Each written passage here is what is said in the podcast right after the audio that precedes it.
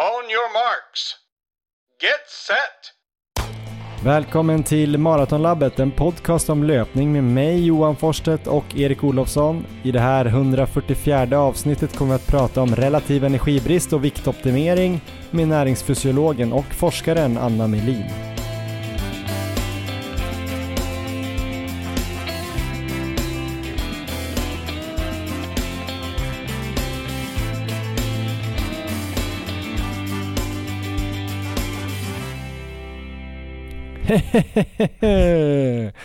Välkomna till avsnitt 144 av podcasten Maratonlabbet. Jag heter Johan och sitter på Södermalm i Stockholm och Erik, du sitter i Uppsala strax utanför city där. Hur är läget med dig?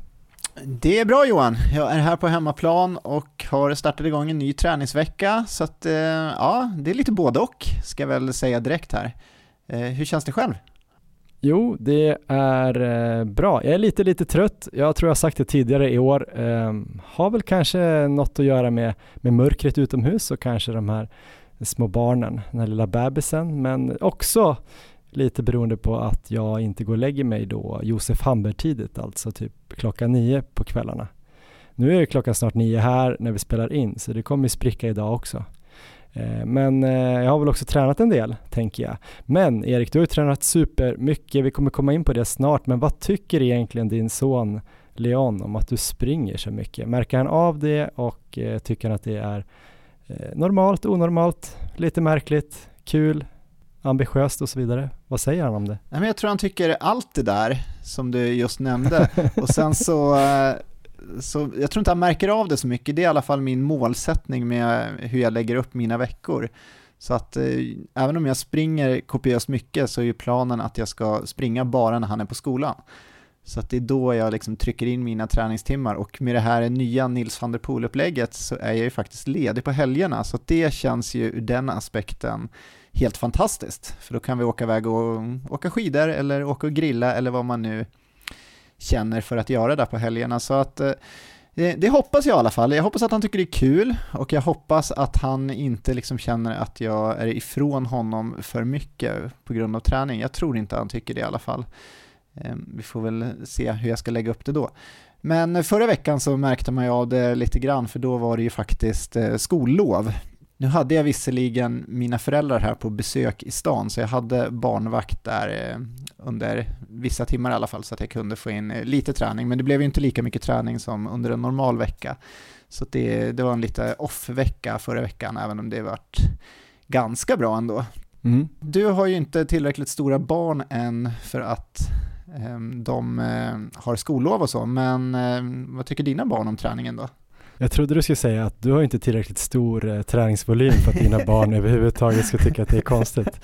Eh, men, eh, nej, men jag tänkte bara på det för att eh, Elmer då som är fyra år, eh, häromveckan sa han något ganska roligt för att jag brukar lägga Alve då, ett år och eh, jag brukar hinna klart med det ibland innan då Emma lägger Elmer.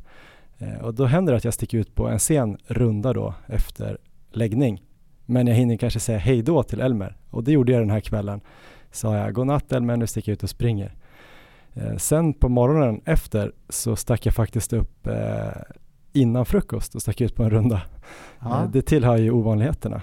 Men då låg Elmer och sov när jag stack ut. Så eh, när jag kom tillbaks då hade han vaknat och så kom han och mötte mig och så tänkte inte jag på det. Jag tänkte att det var två korta distansrundor, en på kvällen och en på morgonen. Men han bara kollade på mig superförvånat. Så Pappa, har du sprungit hela natten?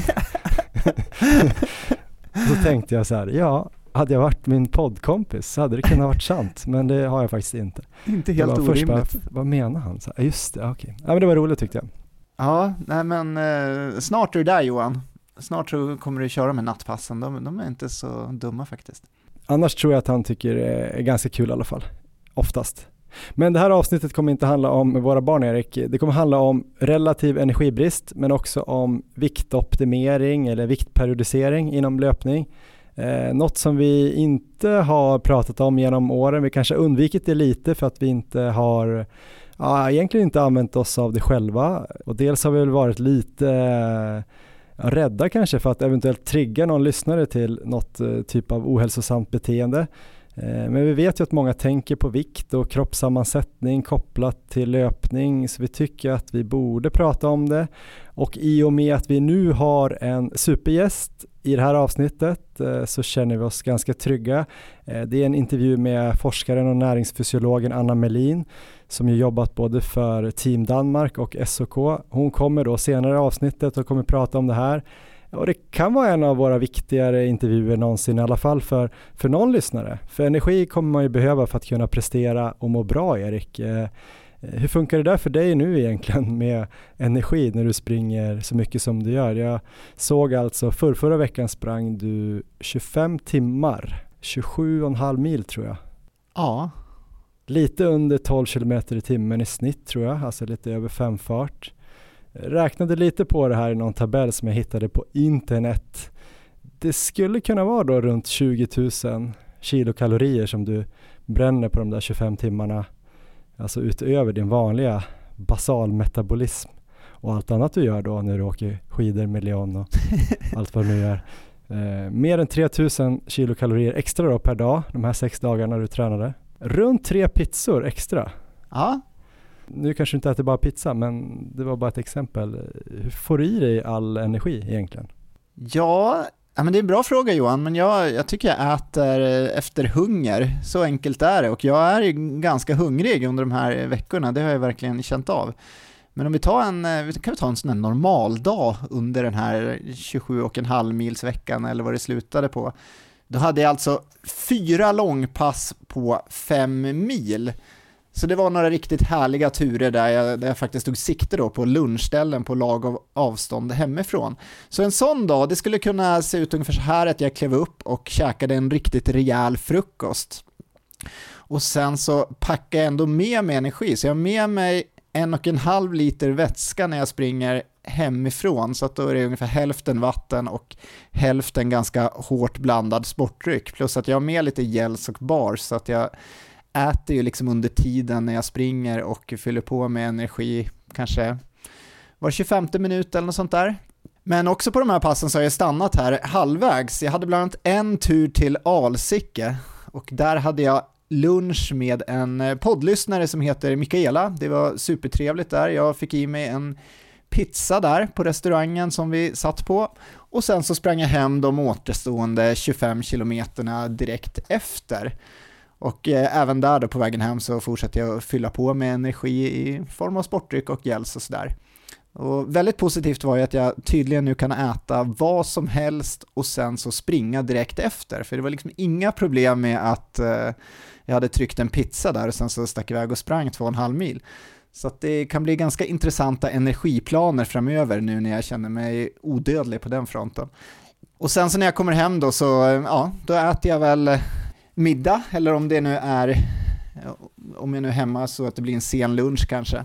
Och sen så, ja, gör lite som Nils van der Poel där på eh, kvällen och äter efter hunger bara. Jag, eh, ja, jag gillar ju lösviktsgodis till exempel, så att det äter jag ju nästan dagligen nu. Och eh, ja, inga så här restriktioner på att, vad jag får äta eller inte, utan jag fyller på nästan konstant där hela kvällen tills jag lägger mig och sover. Så eh, jag kommer säkert upp i de här siffrorna som du nämner, men det är inte så att jag sitter och räknar på det och eh, räknar kalorier eller sådär, utan eh, det ger sig själv ganska mycket på det sättet. Ja men grymt, Nej, men det kommer ju vara väldigt viktigt för dig att få i dig energi tänker jag. I övrigt då, 27,5 mil eller vad det var och sen en ganska stor vecka även nu förra veckan. Hur har det gått och känts med träningen? Du sa att det var lite både och att komma igång med en ny träningsvecka den här veckan.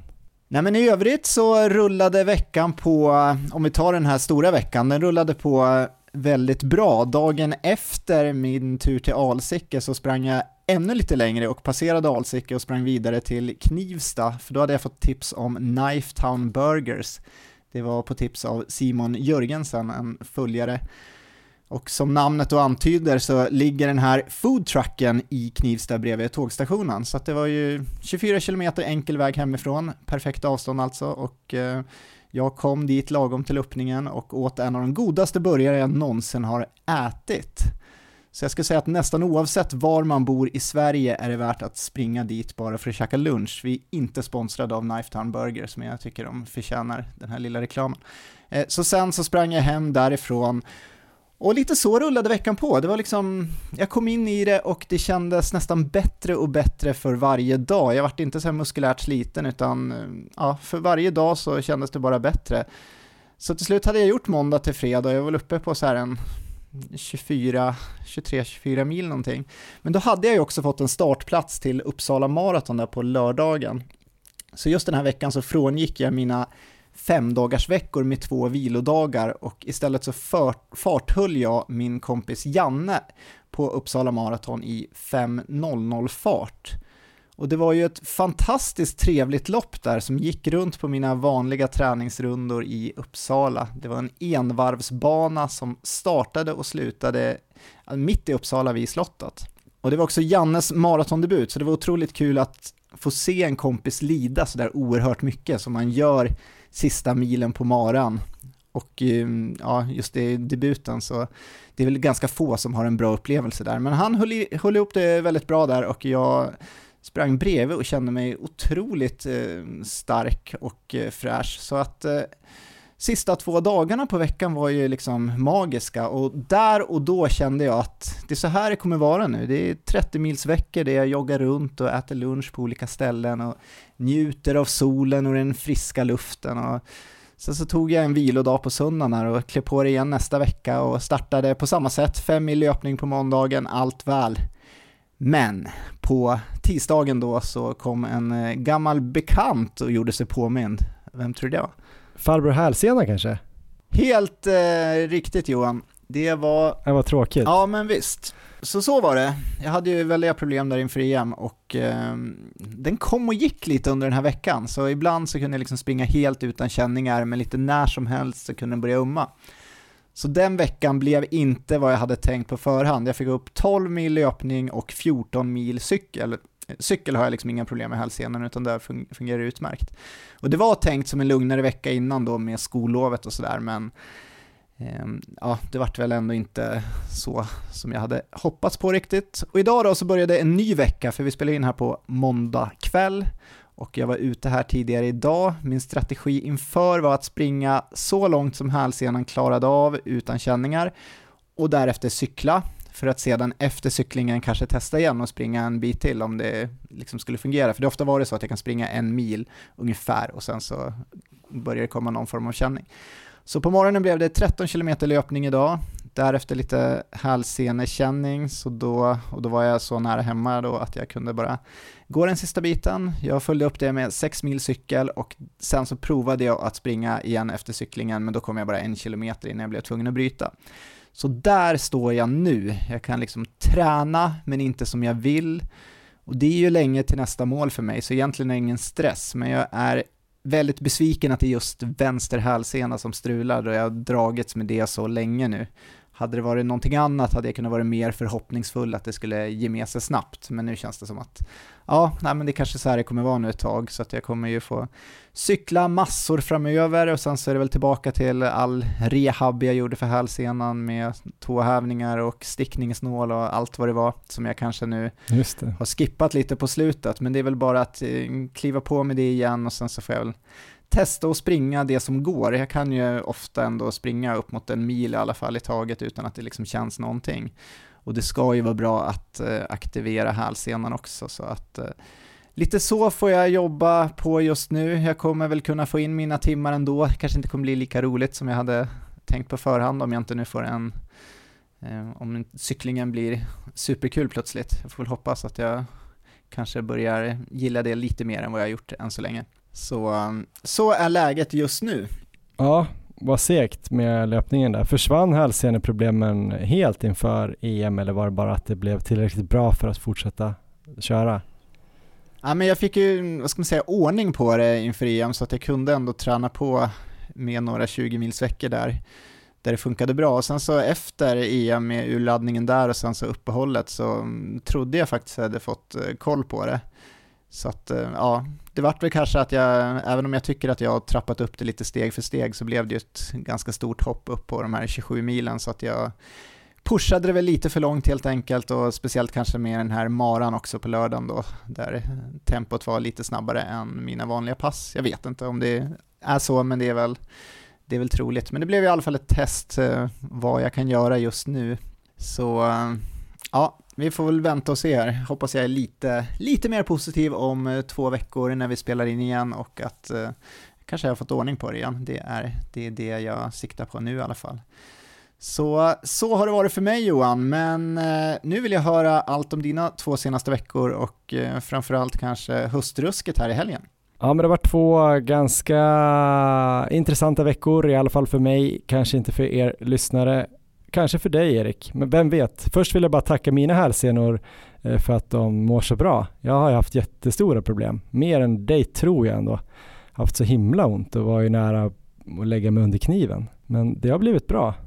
Jag tänker på det ibland när jag springer att jag har inte ont överhuvudtaget i hälsenorna när jag springer.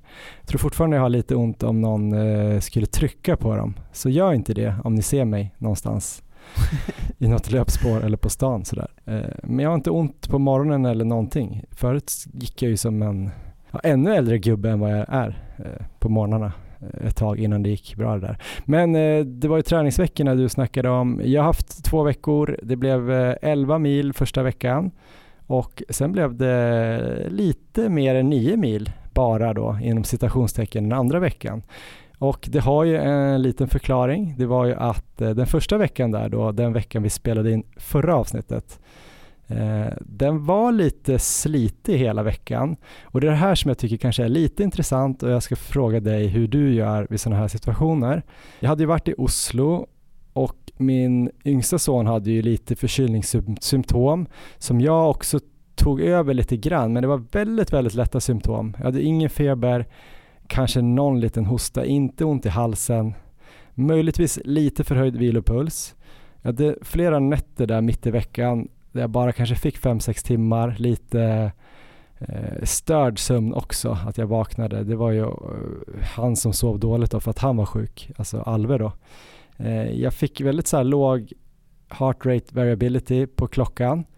Eh, alltså jag sov, har ju sovit med den, eh, den här Garmin eh, 955 länge och då får man ju det varje morgon där, får man en liten rapport om hur man har sovit och vad man har haft för HRV då. Den låg lägre än vanligt hela den veckan och det ska ju signalera att man kanske är då lite sliten eller kanske lite sjuk eller så. Eh, jag hade lite tunga ben på passen, men pulsen på passen var bra. Till och med lite låg ibland. Och det kan ju också vara ett tecken på att man kanske är lite sliten, att eh, att man har sega ben samtidigt som pulsen är låg, att den inte riktigt kommer upp eh, som den ska göra, att inte kroppen är redo. Så det var ganska många tecken som visade på att man, eller jag då, kanske borde ha vilat helt eller någon dag där förra veckan. Men sen är man lite sugen, man har snackat med dig, du vill ha upp mig på 12 mil i veckan och man känner ändå att man vill göra en bra maraperiod. Så jag vilade aldrig, men jag sköt fram ett pass en dag fick till det passet ganska bra, även om jag var seg i början, men jag blev aldrig segare under passet. Det var ett sånt där fem gånger två plus en kilometer. Um, marafart, halvmarafart. Um, gick bra och sen på söndagen hade jag då långpasset. Det, blev ju inte Uppsala maraton för mig. Jag körde ett långpass själv på söndagen. Gick jättebra, varvade väl eh, typ 4.20 fart med några längre bitar i 3.45 fart. Gick jättebra, vid 30 kilometer hade jag en fartlek en plus en minut i två kilometer där jag kunde ligga liksom 3.30-3.40. Hela passet var 35 kilometer i 4.07 fart. Men Erik, efter det passet på eftermiddagen, jag kände ingenting på passet mer än att jag kanske var lite, lite stel i höger knä på slutet på nedjoggen. Och sen på eftermiddagen blev det värre och värre. Så då fick jag ont på, mitt på knäskålen på höger sida. Jag har ju haft det här två gånger tidigare. Ganska säker på att det är samma grej. Uh, en gång när vi sprang um, stafetten ute på, ja. uh, på norra Djurgården där, uh, som vi för övrigt vann då. ja, men då var jag osäker på om jag skulle kunna vara med, men till slut så bara tejpade och körde och efter det försvann det ju det var en sån här gärderudare, att jag bara sprang allt vad jag kunde i fem kilometer och sen kände jag aldrig av det något mer. Och det har ju hänt en gång senare också. Men nu har det kommit igen och eh, då tänker jag ju så här att fan vilken otur, jag har inte haft en skada på hela året och nu får jag det fem veckor innan eh, Valencia Marathon. Så tänker ju många vilken otur, jag blev förkyld bara fyra veckor innan maran och sådär. Men det är ju inte otur, för du hörde ju alla de här andra grejerna jag ja, räknade upp innan. Visst. Vi hade jättemånga tecken på att något inte stod bra till. Antagligen därför jag kanske fick den här, det är väl någon överansträngning i låret skulle jag tro. Eh, att jag är väldigt spänd där, kanske på grund av alla de här grejerna jag räknade upp, att jag inte sovit och så. Eh, och sen så fick jag den här smärtan då på höger knäskål. Så jag har varit lite ledsen då vecka två av de här två veckorna. För då har jag fått springa och uh, ja du vet, ja, jag har fått ta hänsyn till knät hela tiden. Vart orolig för om jag skulle kunna träna. Jag körde någon distans som kändes riktigt dålig i tisdags. Valde ändå att köra en ganska hård fartlek i onsdags. hade jag aldrig gjort om jag inte hade haft det här förut. Men grejen är att det har nästan känts bättre när jag springer hårt än lugnt. Aha. Det är väl på något sätt kanske att man, jag vet inte, tar i med fler muskler och avlastar låret på något sätt. Jag har ingen aning. Men det gick faktiskt riktigt bra och så kändes det lite bättre dagen efter och sen var jag hos en fysio eller kiropraktor och knäckte hans, han tyckte jag var väldigt stel då i höger sida, både ja, vad och baksida lår men även framsida lår och hans teori var ju också då att eh, de här stelheterna som gör att ja, men knäskålssenan eller patellasenan där på eh, är lite irriterad då på grund av det och eh, att jag har lite ont. Så det är ingen riktig skada än kanske, men det skulle ju kunna bli om det där blir lite mer kroniskt. Eh, så det var ju lite gambling och sen då springa höstrusket i lördags. Men det kändes så pass bra i fredags då efter denna kiropraktorbesöket att jag helt enkelt sprang en mara i lördags så så har mina veckor varit och den maran gick ju ganska bra ändå måste jag väl säga. Det var ju en träningspass då. Um, jag vet inte om du har sett på Strava, jag tror att du i och för sig har gjort det.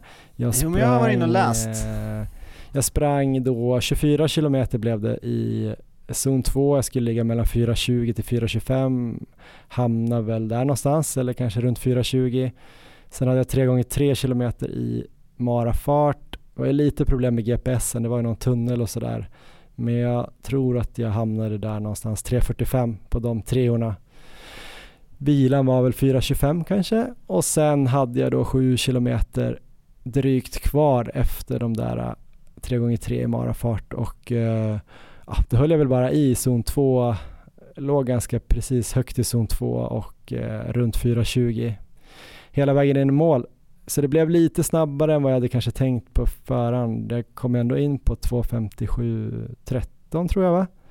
Och eh, det var ju ett halvkuperat lopp det där. Det var ju mer höjdmeter än Stockholm Marathon. Ganska blåsig dag. Bra temperatur dock.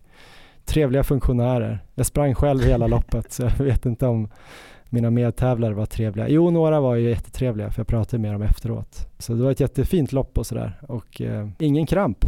Ja, det tycker jag var fantastiskt, att du inte hade några krampkänningar alls. Det var liksom inget där med sista sju heller när du ska, jag ska inte säga jogga in, för 4.20 är ändå snabbare än det, men eh, inga tendenser alls eller? Nej, jag tror typ inte det. Alltså, det är lite svårt för det där, um, det är ju ett mentalt spöke för mig också efter att ha fått uh, Eh, kramp så många gånger, både när jag spelade fotboll förr i tiden, fast då var det ju alltid så sista fem minuterna eller något. Det var inte så stor grej. Man kunde alltid lösa det på något sätt. Ehm, och det var inte varje match heller ska jag väl tillägga. Men alla maror eller alla, och alla Lidingölopp har jag väl fått kramp på typ. Så det, jag, jag börjar liksom tänka på det väldigt mycket där vid 36, 37. Så, men jag tror inte att jag kände riktigt. Jag tror inte om du hade varit i min kropp så hade inte du känt några kramptendenser. Men jag då som vet om hur det kan kännas börjar ju leta efter signalerna på något sätt och det där vill jag ju få bort ur hjärnan och förhoppningsvis var det här ett steg på vägen för att få bort det lite ur hjärnan. Jag hade inga sådana här ryckningar i låren eller vaden eller någonting och behövde aldrig känna att jag behövde stanna och stretcha eller så. så att, eh, det kändes stabilt så det var ju riktigt kul. Det var ju faktiskt första maran någonsin utan kramp. Och då räknar jag in även de här två långsamma som jag sprungit som reporter. jag har också haft kramp. Ja, så det var ju jättebra. Sen vad det kommer innebära för Valencia, alltså det här resultatet och den här maran vet jag inte. Men det var, en, det var ett bra träningspass i alla fall. Vi har ett samarbete med Löplabbet som är Sveriges största butikskedja för löpning med åtta fysiska butiker och så har de ju sin hemsida då, löplabbet.se där man kan köpa alla skor och kläder och prylar eh, som de säljer Plus eh, kan man få en hel del tips och läsa en massa guider om olika saker. Till exempel om eh, hur man ska klä sig på vintern, hur man dubbar sina skor och eh, vilka skor man ska köpa som redan är dubbade. Och vi pratade ju förra veckan Erik om Gore-Tex skor. Det finns jättemycket saker som eh, man kan använda sig av när det blir vinter om man vill fortsätta springa ute. Det snöade faktiskt i Östersund igår. Eh, så min pappa var ute och åkte 200 meter skidor i trädgården.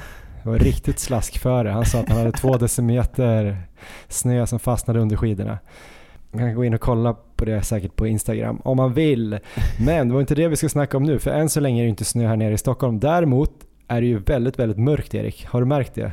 Det har hänt någonting med den här äh, tidsomställningen det här året också. Ja, det känns som man byter fler timmar än en bara. Det blir helt sjukt svart ute så att eh, det har jag verkligen märkt av. Förra veckan speciellt när det var, det hade lite senare pass än vanligt så att jag kanske höll på där vid fyra tiden, kanske till och med klockan fem på eftermiddagen och det var ju kolsvart. Mm. Springer du bara på upplysta ställen? Dina liksom vanliga stråk, är det liksom med, eh, med lampor? Nej, det är det väl inte. Det är väl delvis det, men om man tar långpassen då är jag ute på vägar där det nog kan bli ganska rejält mörkt om jag skulle vara ute så sent, vilket jag säkert kommer vara under åtminstone varannan vecka när jag har lite senare träningstider. Så uh, jag är i stort behov av uh, allt känner jag, annars är det fullkomligt livsfarligt. Speciellt kanske min cykeln har jag funderat på, för där har jag ju, jag är så ovan cyklist så att där måste jag väl se, jag skulle nog behöva se ut som en julgran där när jag kommer tror jag, så att alla ser mig. Där lär det ju också vara någon typ av lag att du ska ha cykellampor både fram och bak. Så jag kommer ihåg när jag bodde i Uppsala en kort period och så hade man ju aldrig det men där var ju poliserna som hökar och tog en massa studenter. Eh, livsfarligt. Ja men du måste köpa lampor men annars finns det ju också pannlampor som man kan ha. Det kan man ju ha när man cyklar också såklart. Aha. Men eh, det har de ju på löplabbet.se eh, eller de har ju det i butiken också.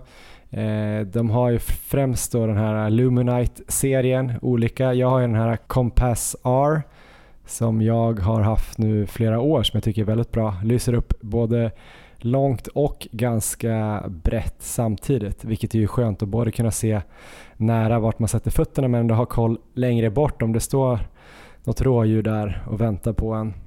Eh, kan ju vara bra att se både långt och runt omkring sig. Eh, de har ju många silverlampor också. Sen reflexer Erik, där är ju du faktiskt lite mer av en expert än vad jag är för att jag springer så himla mycket i, i Stockholm också på gångvägar eller runt Söder och sådär det känns som att jag inte riktigt behöver mer än de reflexerna som jag har i vissa kläder som också Löplabbet säljer. Eh, men eh, reflexvästar, kör du så här väst eller sele? Det känns som att du har reflexer på dig när du är ute och springer. Det har jag verkligen. Jag kör väst, men jag såg faktiskt idag när jag var ute och körde bil någon som hade en sån här sele och de syns ju helt otroligt bra. Ehm, för övrigt så var ju löparna som jag såg här kvällstid väldigt eh, bra kittade med reflexer. Eller så var det att jag bara såg de som hade reflexer på sig och de andra var liksom försvunna. Men det. Eh, det. syns ju så otroligt bra så att mm, det tycker jag alla behöver tänka på. Ja, gå in och kolla på löplabbet.se. Där har de då på sin landningssida första rubriken där tror jag är eh, Möt mörkret. Så gå in där och kolla så har de samlat ihop en massa bra tips. Vi har också ett samarbete med Flowlife som grundades 2016 och idag hjälper tusentals människor att koppla av, massera och att återhämta sig. Saker som är oerhört viktiga för löpare och inte minst för dig och mig Johan som ändå har ambition att bli så bra vi bara kan inom den här idrotten. För mig personligen är det Flow Pillow Heat som används mest för tillfället då min umma hälsena mycket väl kan härledas till stela vadmuskler. Så jag sitter dagligen i soffan och låter kudden mjuka upp vaderna. Och jag har dessutom vissa punkter högt uppe på vaderna som brukar vara extra stela, så där kommer jag köra lite extra med Flogan Pro också. Och just nu har de single week deals på hemsidan. Rejält rabatterade priser, bland annat på Flowpillow Heat som är nedsatt med 500 kronor. Det finns dessutom paketpriser för Flowpillow tillsammans med valfri Flowgun om man vill slå mm. till på båda de här fantastiska produkterna. Så surfa in på flowlife.com för att ta del av dessa erbjudanden. Sen kan du få förklara Johan hur de lyssnare som inte är singlar ska gå tillväga om de vill handla.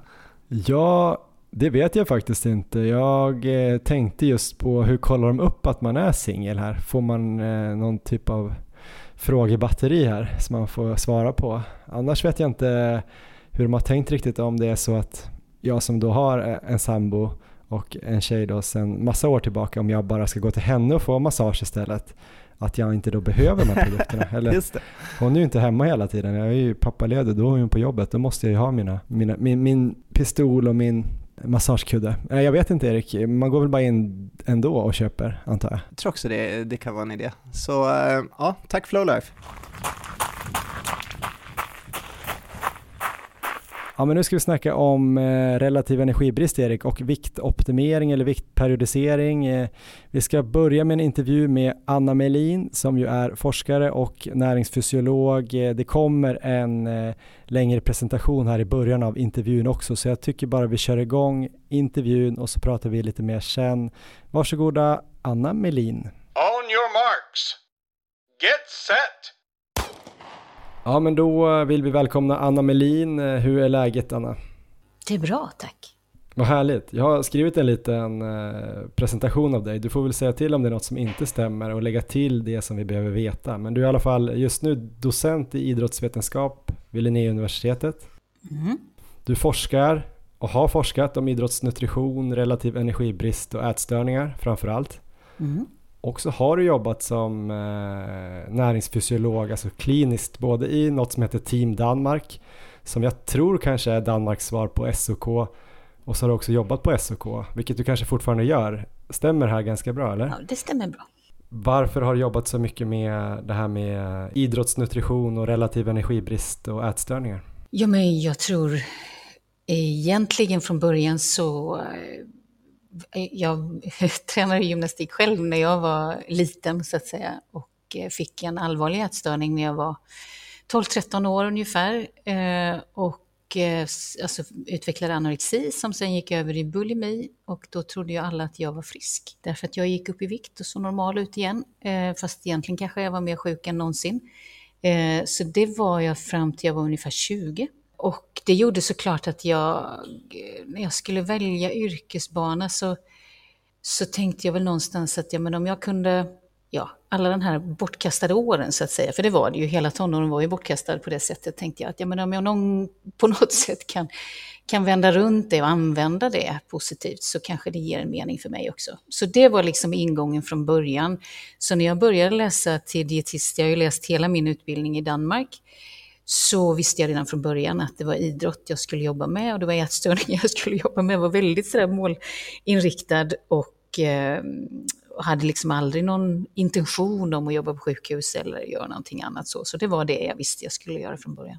Och hur länge har du jobbat med idrottare på, på olika nivåer då?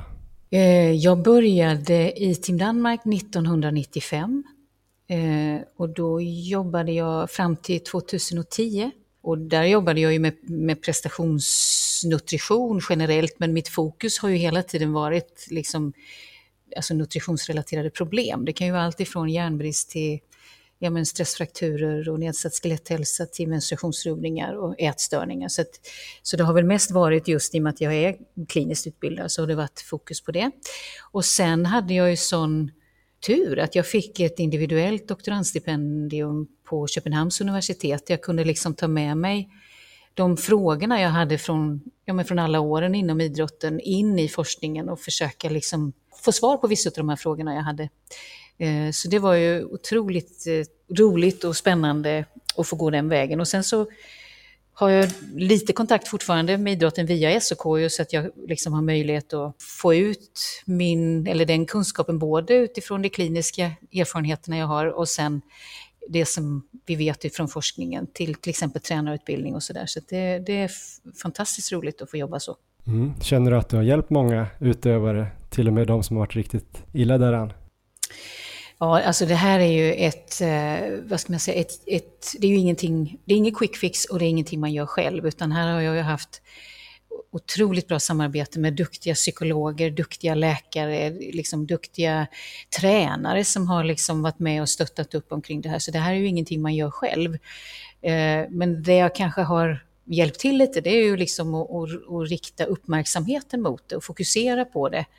Eh, som gör att det kanske är lättare att upptäcka, för det är ju det allting handlar om egentligen, det är ju att försöka förebygga.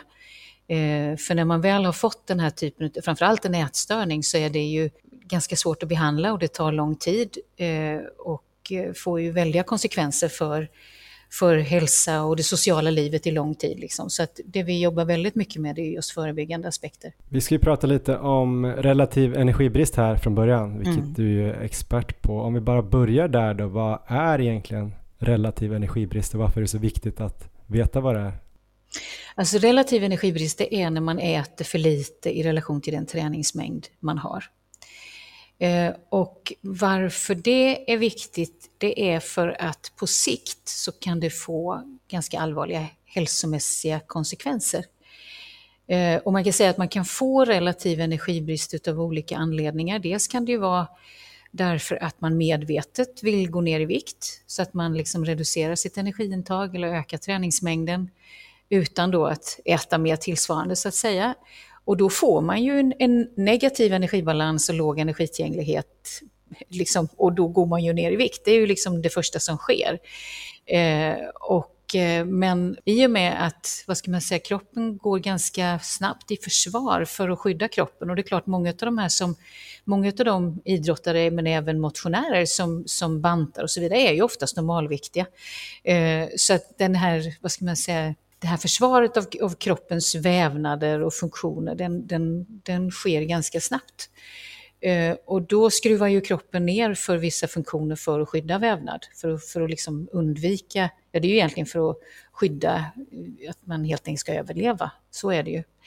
Så att, eh, vad ska man säga, det händer, det beror på vad man tittar på så att säga, för det är klart att de första förändringarna som till exempel en en förändring i hormonbalansen och i energiomsättning, den sker, den sker väldigt snabbt. Vi pratar liksom dagar, veckor eh, som den här responsen sker. Och likadant effekt på till exempel immunförsvar och så sker snabbt. Och även negativ påverkan på skelettet börjar nästan direkt.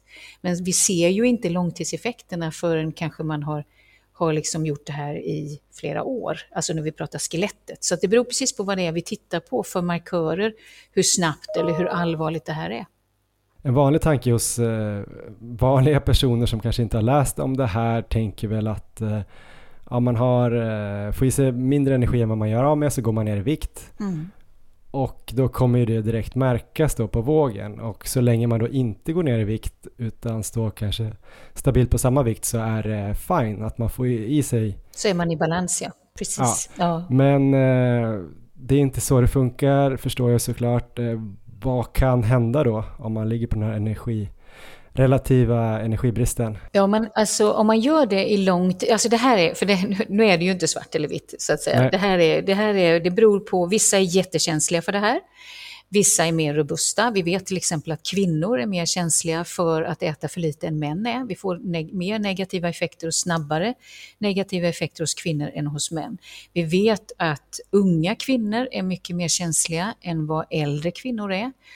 Eh, och man tror då att man, liksom, har man, om man tittar till exempel på menstruationsfunktionen, alltså på menstruationen, så vet vi, och de könshormoner som vi har, så vet vi att unga kvinnor som inte har haft menstruation så länge, alltså upp till kanske 25-26 års ålder, de är mycket mer känsliga för de här, för låg energitillgänglighet än vad äldre kvinnor är som har haft menstruation längre tid.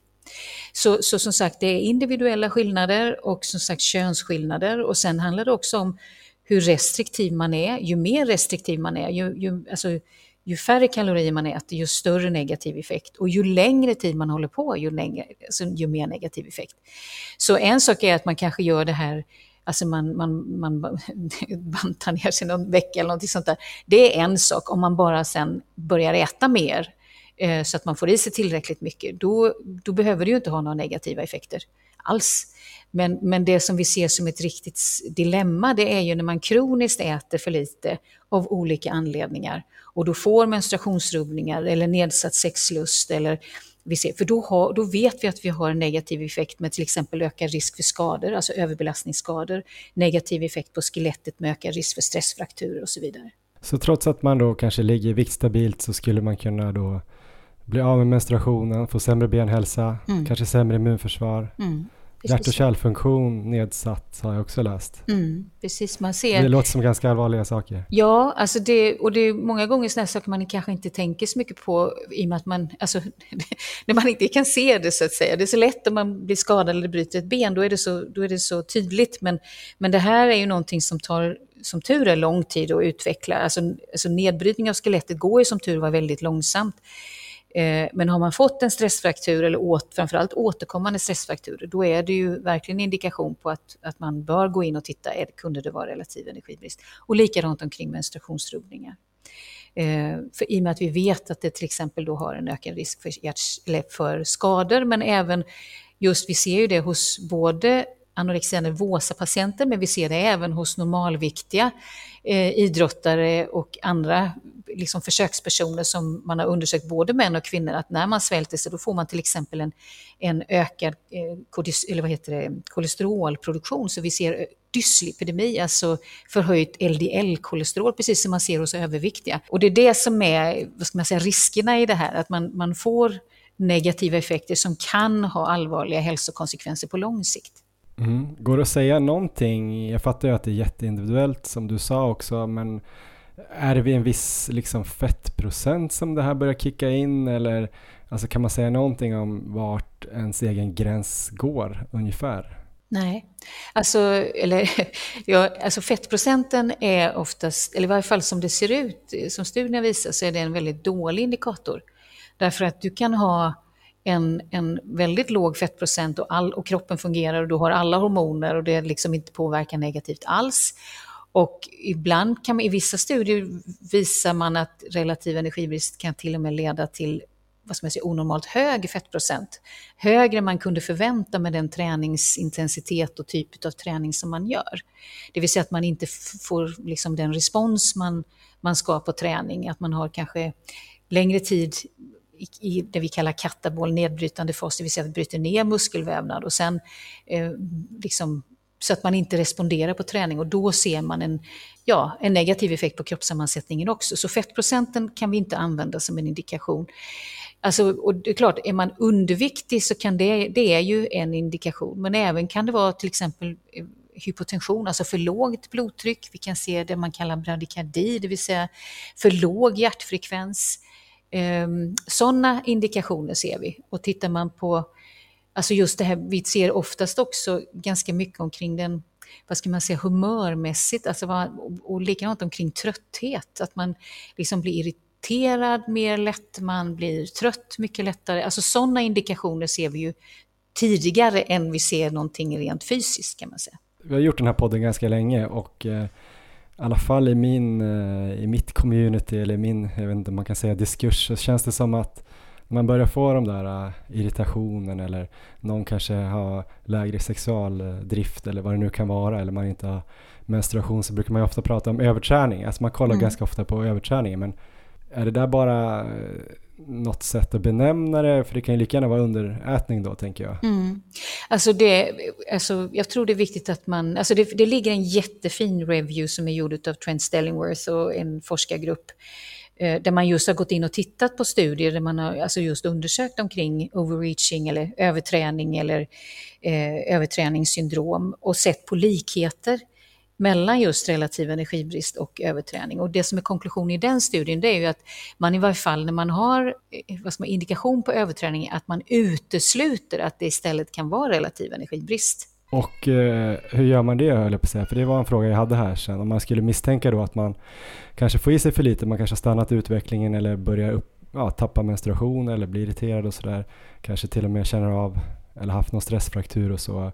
Hur gör man då, alltså framförallt om man då kanske på vår nivå bara att man är en ambitiös motionär som tränar kanske tio timmar i veckan men inte kanske har någon jätteapparat runt omkring eller något? Alltså har man eh, förlorat med menstruationen så är det ju en stark indikation på att det är relativ energibrist och inte överträning.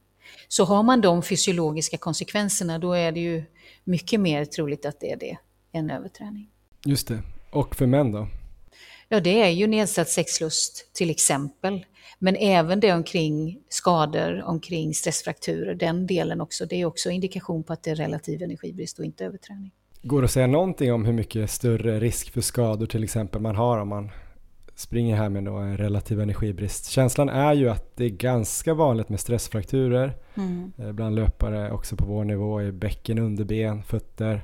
Mm. Eh, det känns ofta som att man tänker det som antingen då att man har tränat för mycket eller att man har haft fel skor eller sprungit mm. på något konstigt underlag. Det är ganska sällan någon skriver då på jag vet inte, Instagram eller Strava eller pratar med någon om att de nog har fått i sig för lite. Är det liksom normalt att få en stressfraktur? Förstår du vad jag alltså, menar? Ja visst, alltså, och jag tänker det här är ju också multifaktoriellt. Alltså det, det, kan ju, självklart kan man få en stressfraktur utav de anledningarna som du säger. Men, men samtidigt så tänker jag, alltså det ligger en, igen en jättesnygg studie eh, från en forskare som heter Ida Haikura som har tittat på de allra, allra bästa uthållighetsidrottarna i världen. Och då är det både på män och det är på kvinnor. Och i den här gruppen då så var det ungefär 40 procent av männen som hade låg, alltså lägre testosteronnivåer.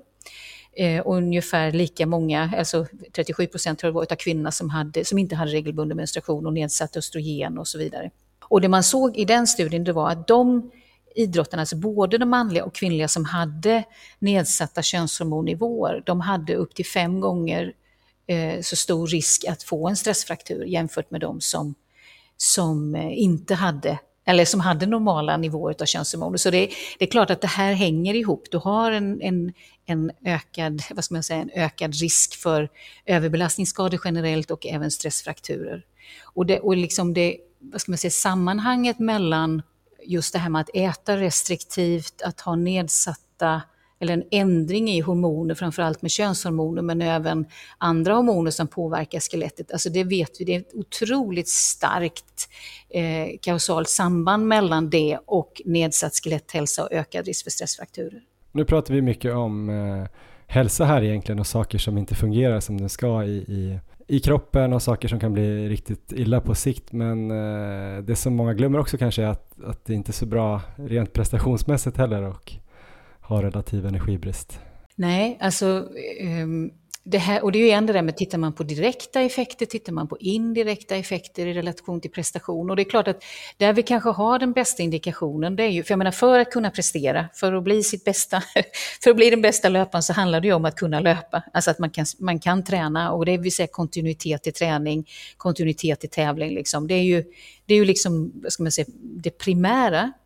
Eh, och jätteviktigt. Och det är klart att blir man då sjuk, man får en infektion eller blir man skadad så har det ju en negativ effekt på prestationsförmågan. Så det, det är igen det med vad är det vi tittar på. Tittar vi från dag till dag och kort tid, ja men då kanske man ser mest, då, då kanske, vad ska man säga, den här att man känner sig mer trött och så vidare beror mer på att man helt enkelt inte har tillräckligt med glykogendepåer. Alltså det är ju en sån här direkteffekt kan man säga från vad man har ätit i dagarna innan. Och där är det också, det, det man ofta ser, det är inte så många studier som har tittat på prestation egentligen. Och det man ser på korttidseffekterna, alltså korttidsstudierna som är då från två, tre dagar upp till en vecka. Eh, och då ser vi ju att man, man drar ner på, alltså man har låg energitillgänglighet och oftast går man ju ner i vikt under den perioden. Och då ser man liksom ingen skillnad i prestationsförmåga, om vi nu tittar på uthållighet eller time trials, liksom, så är det liksom ingen skillnad. Och då kan man säga att nej, men det här har ingen negativ effekt, men å andra sidan så många gånger, precis som vi pratar om många gånger, är det fokus på vikt, så många kanske går ner ett par kilo i vikt för man tänker att ja, men då springer jag snabbare, men där ser man sällan någon positiv effekt faktiskt på de få studierna som är gjorda. Så, så det man ser då det är att det, man, det är liksom ingen, ingen effekt på prestationsförmågan, eh, vare sig åt ena eller det andra hållet. Men som sagt, de mer långsiktiga effekterna, just det här med skadesrisk och infektion, det är ju det som vi är, är vad ska man säga, mer, har mer kött på benen så att säga, eh, att det har en negativ effekt. Hur vanligt förekommande är relativ energibrist hos konditionsidrottare? Kan man säga någonting om det? Det är antagligen olika i olika kulturer, olika länder. Och ja, sen är det olika, sporter. beroende på vad det är vi tittar på. Alltså om vi, tittar på, om vi mäter energitillgänglighet vilket är jättesvårt för att det är så många felkällor. Både liksom, och då ska man mäta korrekt hur mycket man äter eh, och man ska mäta korrekt hur mycket man förbränner under träning och det där är svårt. Eh, så, så det studierna visar någonstans det är ju att eh, ja, någonstans mellan 30 och upp till 70 procent beroende på vad det är vi mäter. Om vi mäter biomarkörer som till exempel könshormoner eller någon, någon, annan hormon som vi vet har med det här att göra. Eh, eller om vi mäter symptom, till exempel menstruationsrubbningar eller låg sexlust, eh, så beror det lite på. Men om vi tar till exempel menstruationsrubbningar som kanske är en, en av de vad ska man säga, säkrast, säkrare indikationerna och tittar på uthållighetsidrottare så ligger det någonstans mellan 40 och 60 procent hos eh, idrottande kvinnor. Oj. Och då kan vi bara titta på de som inte äter p-piller. De som äter p-piller, det vet vi ju ingenting om. så. Och tittar vi på männen så ligger det någonstans mellan 18 till de här 40 eh, procenten som jag pratade om innan i den här studien med Haikura då, som tittade på testosteronnivåer. Så det beror precis på vad det är för en indikator man använder. Och i vilka idrotter är det vanligast? Eh, du nämnde ju själv då gymnastik, jag kan tänka konståkning, hoppidrotter. Ja, när det, van, alltså det vi har flest studier och där det verkar vara vanligast det är just uthållighetsidrottare. I och med att man har alltså så stor, ofta så stora träningsmängder och det är så energikrävande. Jag var inne på det lite grann förut i någon fråga, men om man nu då på en lägre nivå börjar misstänka att man kanske äter för lite, liksom, hur mm. kan man testa det? Kan man gå och mäta, liksom, göra några, någon mätning och få värden eller är det bara enklast att typ lägga till ett mellanmål varje dag tills man någon gång börjar gå upp i vikt och då stoppar man där om man inte vill gå upp i vikt eller hur, hur ska man tänka? Ja, alltså Eh, behandlingen för det, precis som du säger, det är, ju, det är ju helt enkelt att öka energitillgängligheten. Och det kan man ju då göra antingen genom att man äter mer mat, och då ska jag poängtera att det de flesta gör fel, det är att de äter för lite kolhydrat. Det är liksom genomgående i stort sett alla studier vi gör, är att det är ett för, för lågt kolhydratintag i relation till träningsmängden. Så att antingen ökar man det, eller också reducerar man träningsmängden, eller en kombination. Och hur man gör det, det beror ju på vad den bakomliggande anledningen är. Alltså för att man säger att, ja, men, jag tror jag började säga det, att ja, men en anledning kan ju vara det att man medvetet liksom vill gå ner i vikt och sen gör man det och sen är det fine och så börjar man äta mer. Men det kan också vara därför att man inte kan äta mer. Alltså att, man, att man äter det man, liksom till man blir mätt och så vidare, men man kan inte äta tillräckligt för att man inte har tillräckligt stor aptit. Och då kanske man behöver mer kunskap om hur ska jag sätta ihop min mat för att öka det vi kallar energidensiteten eh, och framförallt kolhydratdensiteten i maten. Och självklart kan det också bero på att man har ett stört ätbeteende. Eh, och då beror det på liksom, om man, vilket stöd man behöver. Alltså jag tror jag skulle rekommendera de flesta som är som man tänker att ja, men, har jag det här, har jag inte, jag skulle behöva hjälp. Att man helt enkelt tar hjälp av en duktig idrottsnutritionist eller dietist som kan det här. Eh, för att man ska få individuell rådgivning för att säga att ja, okej, vilka måltider ska jag öka då? Vad är det i min mat som jag behöver lägga till? Och just också fånga upp, för det jag upplever jättemånga gånger det är ju att man säger att ja, men det är inga problem, jag kan äta mer, men sen när man väl börjar göra det, då kommer det ganska mycket tankar. Alltså att för just som du säger, många gånger så tror man ju att ja, men bara för att jag äter mer måste jag gå upp i vikt. Och det är ju, alltså det är klart, är man underviktig behöver man göra det, för att annars så får man extra negativ effekt på skelettet. Eh, för ju, ju, mindre man väger, ju, ju, ju, mer negativt är det för skelettet. Så undervikt är inget bra för skeletthälsa. Så är man underviktig behöver man gå upp så att man i varje fall är normalviktig. Men oavsett vad så tänker jag att just det här med att ändra om man börjar öka, så det kan trigga igång ganska många tankar just omkring rädsla med att gå upp i vikt. Och då är det ganska bra att ha en, en proffsig dietist eh, att hålla i handen som kan hänvisa en vidare om man faktiskt behöver psykologstöd också. Om man tänker så här då, eh, många som kanske springer tänker att de ska äta nyttigt och med nyttigt kanske man tänker ja men kanske inte då snabba kolhydrater utan mer eh, fibrer och, och grova grejer och grönsaker och sådär och det har man ju märkt ibland att det kan vara svårt att få i sig den energin som man behöver då. Mm. Finns det risk att det blir liksom för nyttigt för oss som springer? Jag skulle säga att den, alltså, för det här, det här är ju precis det du säger, det, det här, alltså nyttigt, det beror precis på vem vi pratar om. Eh, och tränar man mycket, då är det väldigt svårt att få i sig tillräckligt om man följer liksom, de nordiska näringsrekommendationerna, som är egentligen till ganska stillasittande människor. Så ju mer man tränar, ju, mer, ju viktigare är det ju att man faktiskt kan lite omkring idrottsnutrition. Mm. Och det är det som man behöver, de riktlinjerna som man behöver följa och, och, och, inte. För jag menar, om du tar en sån sak som kostfiber, jag menar, om du har ett högt energibehov och du äter tillräckligt mycket eh, så får du i dig den mängd kostfiber du behöver, även om du skulle äta franskbröd och vanlig pasta och vanligt ris, för du äter så stora mängder.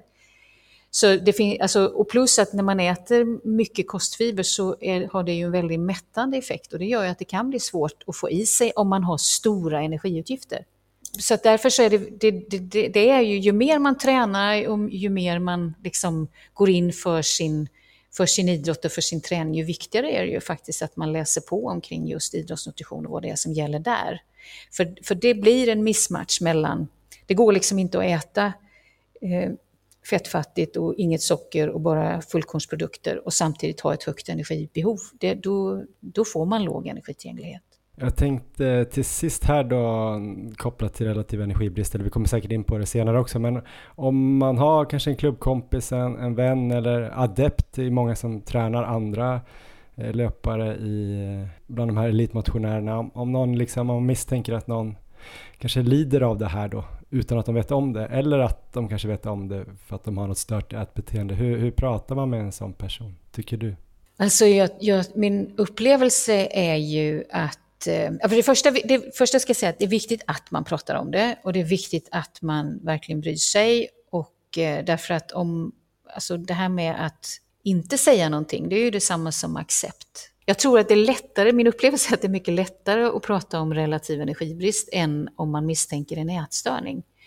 Eh, och, eh, så det gör kanske att det blir en lättare ingång, att det liksom är liksom mer ett allmänt snack som man kan ha Eh, Eh, och, och, som sagt, alla kan ju ha det här i perioder utan att det är något problem. Liksom. Så, att, så att det är ju mer när det blir liksom kroniskt och man blir restriktiv hela tiden och man är rädd för att gå upp i vikt och man håller igen. Liksom. Det är ju där problemet är och just det här med att man pratar öppet om hur viktigt det är att man har till exempel regelbunden menstruation och att man har ordentlig pubertetsutveckling och att man liksom, att den naturliga, vad ska man säga, utvecklingen hur viktig den är. Och det är ju viktigt att man då har, om man, om man till exempel är tränare till andra, då är det ju jätteviktigt att man har den kunskapen. Så man förstår liksom hur viktigt det är med alla de här könshormonerna eh, för att få en, en optimal utveckling av, av, hela kroppen och även den kognitiva funktionen hos unga människor. Så där, där, det, det ställer ju krav eh, om man ska jobba så. Liksom. Och just också, jag tänker i de nya riktlinjerna som kommer från internationella olympiska kommittén nästa år så kommer det vara bland annat att, att unga människor under 18 år bör överhuvudtaget inte viktreglera. De bör inte banta, de, behöver inte, de ska inte gå ner i vikt. Eh, just därför att vi vet att unga människor är jättekänsliga både för, alltså fysiskt för den här låga energitillgängligheten, att det sker negativa saker i kroppen, men även psykiskt inte är eh, vad ska man säga, robusta tillräckligt för att stå emot och det lättare då blir utvecklat både tvångsmässigt träningsbeteende men även stört ätbeteende. Eh, och det är också jätteviktigt att veta när man jobbar med unga, liksom, att man stoppar det och, och, och väntar med det tills man har en färdig vuxen kropp. Jag tänkte att vi skulle komma in lite på det också med viktreglering. Jag tänker en sak som kan leda till relativ energibrist då är ju det här att alltså just inom löpning är att det kanske finns ändå någon typ av viktfaktor att man ska förflytta sin massa så skulle det kunna vara prestationsfrämjande att minska på massan helt enkelt och det är väl det som ibland ligger bakom också att folk vill hålla sig smala eller, eller tunna och sådär. Du har jobbat med mycket elitidrottare eh, som satsar liksom på OS och är med i landslag och sådär. Eh, du ska få berätta snart eh, hur du har jobbat med dem eller hur de jobbar men först och främst Tycker du att det är oproblematiskt att prata om det i en podd som har liksom ambitiösa och nyfikna löpmotionärer som lyssnare? Eller finns det risker med det? Alltså, alltså grejen är den, vi vet att fokus på vikt ökar risken för att utveckla stört ät och träningsbeteende. Det vet vi. ju större fokus det är på kroppsvikt, ju större risk är det att det går fel. Eh, och vi ser ju det här, vi har en jätteduktig student som gjorde en studie på helt vanliga kvinnor. Hon, hon skrev ut till eh, såna här löpklubbar på Facebook och frågade om de ville vara med och, och titta på risk för stört ätbeteende och låg energitillgänglighet. Och, och, det här var vuxna kvinnor, jag tror genomsnittsåldern var ungefär 30. 16 procent av dem hade tecken på ätstörning. Så, så jag menar, det här är, och det är inte så mycket vi pratar om, för vi pratar mest om de här unga. Vi pratar kanske mest inom elitidrott, men de sista studierna vi har gjort, eh, framförallt eh, både i Norge och Danmark, indikerar ju att om vi har 20 procent utav kvinnliga elitidrottare på landslagsnivå, ungefär 20-25 procent, som har en ätstörning, så ligger den prevalensen på upp till 30 procent i bakgrundspopulation. Mm. Så, så man ska vara väldigt medveten om här att det här är jättevanligt och mer vanligt än man kanske tror. Och det, och, och det, det ska man vara väldigt uppmärksam på. Som sagt, ju mer man fokuserar på vikt, ju, mer, eh, ju större risk är det att det går fel. Och samtidigt är det klart, när man är i en... Man, alltså, eh, lite maka söker kaka, eller kaka söker maka kanske man säger. Alltså det här med att, att när man är i en sån här klubb då, eh, att man, man, alltså beteende smittar och man stöttar varandra, man kanske främjar liksom ett sånt här beteende också. Just det här med, åh vad du är duktig som äter så, så eh, nyttigt i situationstecken, verkligen sätter jag. Ja, man hejar på varandra till det här beteendet som faktiskt då kan leda till både relativ energibrist men även allvarliga störningar och problem. Liksom. Så att jag, jag, tänker det är viktigt att man är väldigt uppmärksam och rak och tydlig omkring det. Ehm, så, så nej, det är inte oproblematiskt. Och samtidigt så, så är det klart att eh, det gör det också ännu viktigare att prata om hur stor risk det är. Och man kan tycka då att ja, men det är vuxna människor, eh, att, att eh, då är det väl ingen risk. Men, men det ser vi faktiskt både, alltså, även inom elitidrotten, att det här med att hålla på och, och väga sig och kommentarer omkring vikt, det påverkar alla, även vuxna, även vuxna män. Alltså man kan inte, det, liksom, det, det, det påverkar så att det, man är, vad ska man säga, det är inte likgiltigt hur man, hur man pratar om det här och hur man, vad ska man säga, vilka risker det kan få vi har ju haft den här podden i snart fem år och hela syftet från början var ju att vi skulle bli bättre på löpning och vi har ju vridit och vänt på, på det mesta och, och vänt på de flesta stenar. Det här har vi aldrig pratat om just på grund av att vi har varit lite oroliga för att det skulle kunna trigga något bara hos en person så mm. skulle det kanske inte kännas riktigt värt det. Mm. Um, så det är lite svårt. Eh, vad tänker du kring det liksom och hur jobbar man med det här med elitidrottare och tycker du liksom att det ens är värt det? Har du märkt någon prestationshöjning på många liksom, konditionsidrottare du har jobbat alltså, med? Det vi jobbar alltid med när vi pratar där så är det ju, det är ju verkligen individanpassat. Och om, om man tar hur man jobbar idag Eh, inom SOK med det här, så de som behöver optimera, de får ju individuell hjälp utav ett superproffs, alltså utav en, en dietist som har jobbat med det här i jättemånga år. Det är individuell uppföljning, man går aldrig in och gör liksom en viktreglering utan att ha koll på kroppssammansättningen först. Är det överhuvudtaget försvarbart att gå ner i vikt? Finns det liksom fettvävnad att, att tappa? Eh, och hur har det sett ut innan? Eh, är det risk för ökad infektionsrisk om man gör det här? Vad är det som krävs för att kunna gå ner i vikt på individnivå? Ligger de, ligger de så tajt liksom så att ja, men, det ökar risken mer än att det kan eh, öka möjligheten för en positiv effekt? Alltså alla de där övervägandena gör man på individnivå tillsammans med till exempel en, en idrottsdietist som då kan göra de här mätningarna. Så att det, det, är bara att veta att på, på allra högsta nivå så gör man det här väldigt, väldigt noggrant och alltså tittar på individen och väljer ut vilka tävlingar, vilka, alltså på året där man skulle kunna se, okej, okay, då, då tar vi den här sista växeln eller om det nu överhuvudtaget är möjligt. Just det, men då gör man först noggranna mätningar för att kolla ja. om det ens finns någon Precis, och då är det DEXA-mätningar man gör. Man använder inte bioimpedans till exempel, alldeles för stora felkällor. Eh, så, att det, så att det är också liksom att man inte bara säger att ja, men då ställer man sig upp på en bioimpedansvåg och gör, för det, det, det kan också ge helt fel eh, mätvärden. Så att det, det igen, man, man tar hjälp av ett proffs helt enkelt. Hur långt innan en tävling brukar man börja med det här? Ja, men det beror på, igen precis på eh, alltså, vad det är vi pratar om. Är det första gången man ska göra det här? Har man gjort det innan? Pratar vi ett kilo? Pratar vi två kilo? Eller vad, liksom, var, är, var är det någonstans? Och sen är det ju också, alltså det finns ju olika sätt att göra det på. Dels genom alltså att man faktiskt tappar vävnad, men man kan ju också lägga om kosten så att man till exempel tar bort kostfiber och därmed reducerar tarmen och det kan ju ge eh, viktreduktion bara det. Och likadant omkring glykogen. Så, så att det finns olika sätt att jobba med det här och det är ju därför det kräver professionell hjälp eh, att göra det. Men som sagt, det, och många gånger kan det vara så att nej, det har ingen, det har ingen prestationsfrämjande effekt, eller i varje fall är risken så stor för att du får negativ effekt i relation till infektion och skadesrisk att man säger att nej, om du kan träna liksom optimalt och det är det, eh, och så optimerar man kostnaden, att det är tillräckligt liksom prestationsfrämjande.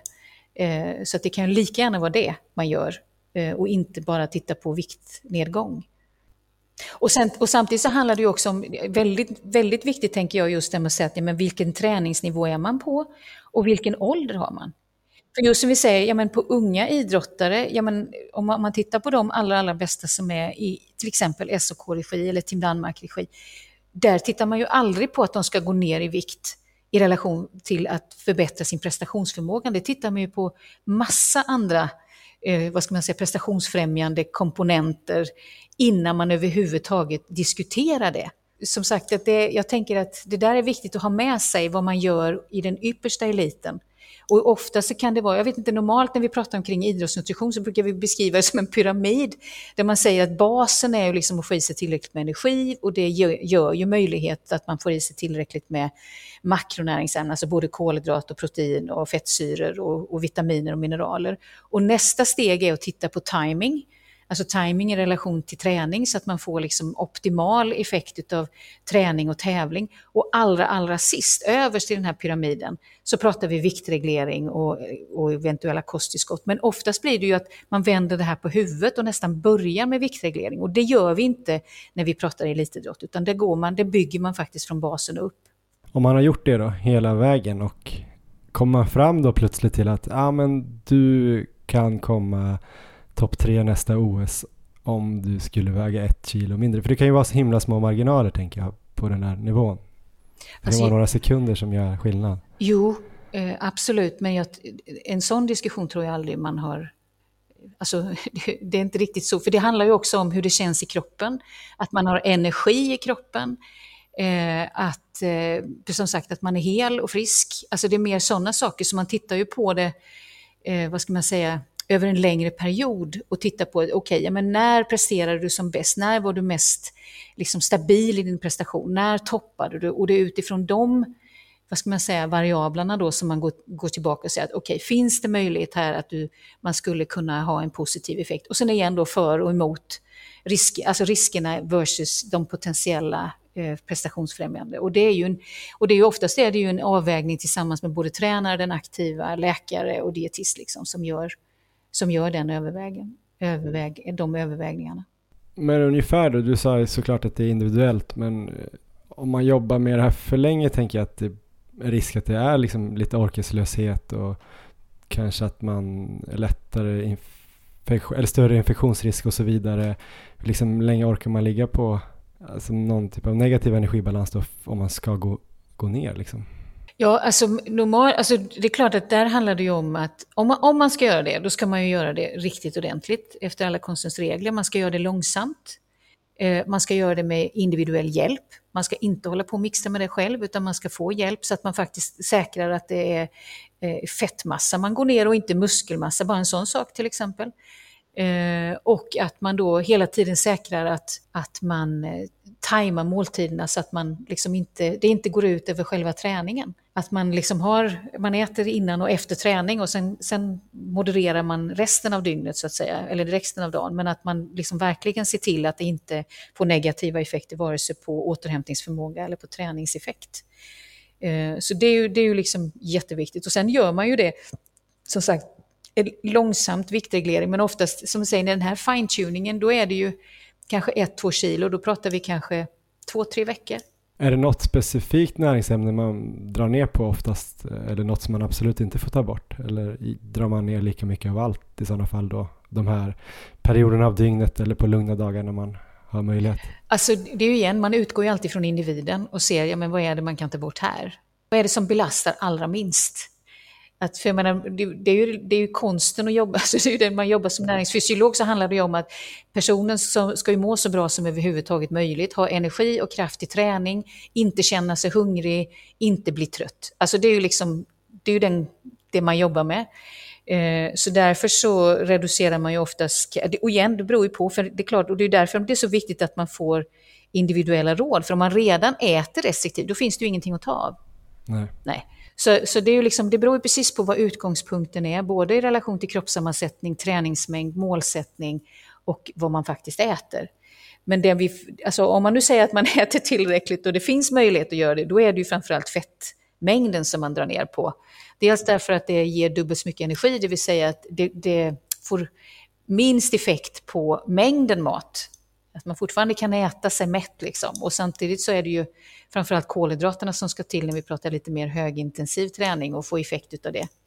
Eh, så det, det kan, ju, kan ju vara nödvändigt att begränsa det också, men det gör man i mindre omfattning så att säga, för att det inte ska gå ut över prestationsförmågan. Hur många gånger gör elitidrottare det här, om de gör det, per år? Hur många gånger orkar de för att inte liksom tappa för mycket under träningsperioder och sådär? Är, det liksom en, är det bara liksom ett OS? Alltså det här är mer av intresse för som tävlingsåskådare? Ja, det, det, är en väldigt bra fråga. Alltså det där tror jag är otroligt individuellt och beror ju självklart på vilken idrottsgren vi pratar om. För vi har ju även viktkategoriidrotter som som går i vikt vid varje tävling. Så det beror ju på vad det är för idrott. Liksom. Men, jag tänkte mer på löpning ungefär. Ja, uthållighet. Mm. Alltså oftast är det ju att man gör det upp till säsong. Eh, så att upp tills tävlingssäsong, att, att då gör man det och sen försöker hålla det stabilt eh, och, och liksom komma upp i energitillgänglighet under själva säsongen så att man inte liksom tränar ner, eller tävlar ner sig så att säga och, och riskerar sjukdom och skador. Så oftast gör man det ju precis innan, innan själva tävlingssäsongen. Då. Mm. Jag tänker att säsongerna är ju ganska långa nu för tiden. Mm måste vara och det är det som gör, Ja, men det är det som gör, det är det som gör att det är så viktigt att förstå att en sak är att gå ner i vikt, då behöver man negativ energibalans i, alltså för att man ska tappa vävnad. Men sen när man har uppnått den viktreduktionen som man har önskat, då är det ju jätteviktigt att man ökar energiintaget igen så att man kommer i energibalans och har tillräckligt med energi tillgängligt för alla funktioner i kroppen ska funka. Och det är där oftast det går fel, att man är rädd för att börja äta igen eh, för att man tänker, ja men då går jag upp i vikt. Men om man liksom, för att alltså det totala energibehovet, om du säger att du går ner två kilo, så en, den totala energiomsättningen för att vara i energibalans, den sjunker ju ganska lite på de här två kilorna. Eh, så att faktiskt så, så, kan man äta mer än man tror och fortfarande bibehålla den här lägre vikten och vara i energibalans och ha tillräckligt med energi efteråt. Och det, det är den kunskapen och den hjälpen som många behöver. Just att man inte får den här liksom mer kroniska och, och liksom verkligen långtidseffekten eh, av att man äter för restriktivt länge. Till sist då, jag tänker att det verkar finnas många riskfaktorer även om man är elitidrottare och får jättemycket hjälp med det här, alltså viktreglering då. Eh, om man kollar då på elitmotionärer eller supermotionärer som lägger ner mycket tid och vill göra som elitidrottarna, kanske utan då lika mycket kunskap och, och stöttapparat. Finns det liksom något sätt att säga att man kan jobba med det här om man inte är på den yppersta eliten? Ja, men det gör det ju absolut. Eh, det, alltså, att man läser på helt enkelt eh, tror jag är jätteviktigt och att man, man eh, tar hjälp. För jag menar, det finns jätteduktiga dietister och det kan vara väl använda pengar och få rådgivning eh, på individnivå liksom utifrån ja, men vad, alltså, vad jag vill med min idrott, vilken situation jag är i eh, och så vidare, liksom, så att man får det stödet. Eh, det, det tänker jag är att, att, fler borde göra. Och speciellt, alltså, ju mer man tränar, ju större är ju behovet, eller ju högre målsättningar man har också med sin med, sitt med sin träning och sitt tävlande. Att man faktiskt mm. tar hjälp. Jättebra Anna, tack så jättemycket. Nu börjar min bebis skrika i bakgrunden så att jag tror jag måste få återgå till honom. Men innan vi slutar helt så har jag lovat att du ska få efterlysa lite studieobjekt höll jag på att säga. Det lät ju jätte, jätteintressant. Jag skriver av mig själv. Men kan inte du berätta själv vad det är du vill ha hjälp med? Jo, men vi höll på att göra en studie. Som jag sa innan så vet man ju lite mer hur det, man vet hur det ser ut lite i Danmark och Norge omkring förekomst av relativ energibrist och ätstörningar inom, inom idrotten, men även i, i kontrollbefolkning. Men vi har inte gjort den studien förut i Sverige, men det gör vi nu. Mm. Eh, och det kall, heter REI-projektet, alltså REI-projektet, så man kan bara söka, googla det. Eh, och så kommer man direkt in eh, på projektets hemsida. Och det vi vill undersöka då det är ju som sagt hur vanligt är det här inom svensk idrott och i normalpopulation och även titta på hur det påverkar fysiologisk funktion och näringsstatus både under den aktiva karriären men potentiella hälsoeffekter senare i livet. Men vi tittar även omkring träningsmiljöer. Försöka identifiera träningsmiljöer som är förebyggande för utveckling av både relativ energibrist och ätstörningar. Så vi har även eh, vad ska man säga, enkäter och eh, intervjuer med eh, elittränare. Så otroligt tacksam om eh, ni har lust att vara med eh, som kontrollpersoner eh, och gå in och svara på de här enkäterna. Det är ju delstudie 1 och så kan man även om man vill eh, vara med i eh, en intervjustudie som är delprojekt 2. Just det. Vi eh, lägger upp någon länk till det här också någonstans Jättebra. gör vi och så kan vi tipsa eh, återigen då, bokstavera REI. Äh, men du ska ha stort tack Anna och jag hoppas att folk går med och är med i den här studien som gengäld till att du var med. Tack.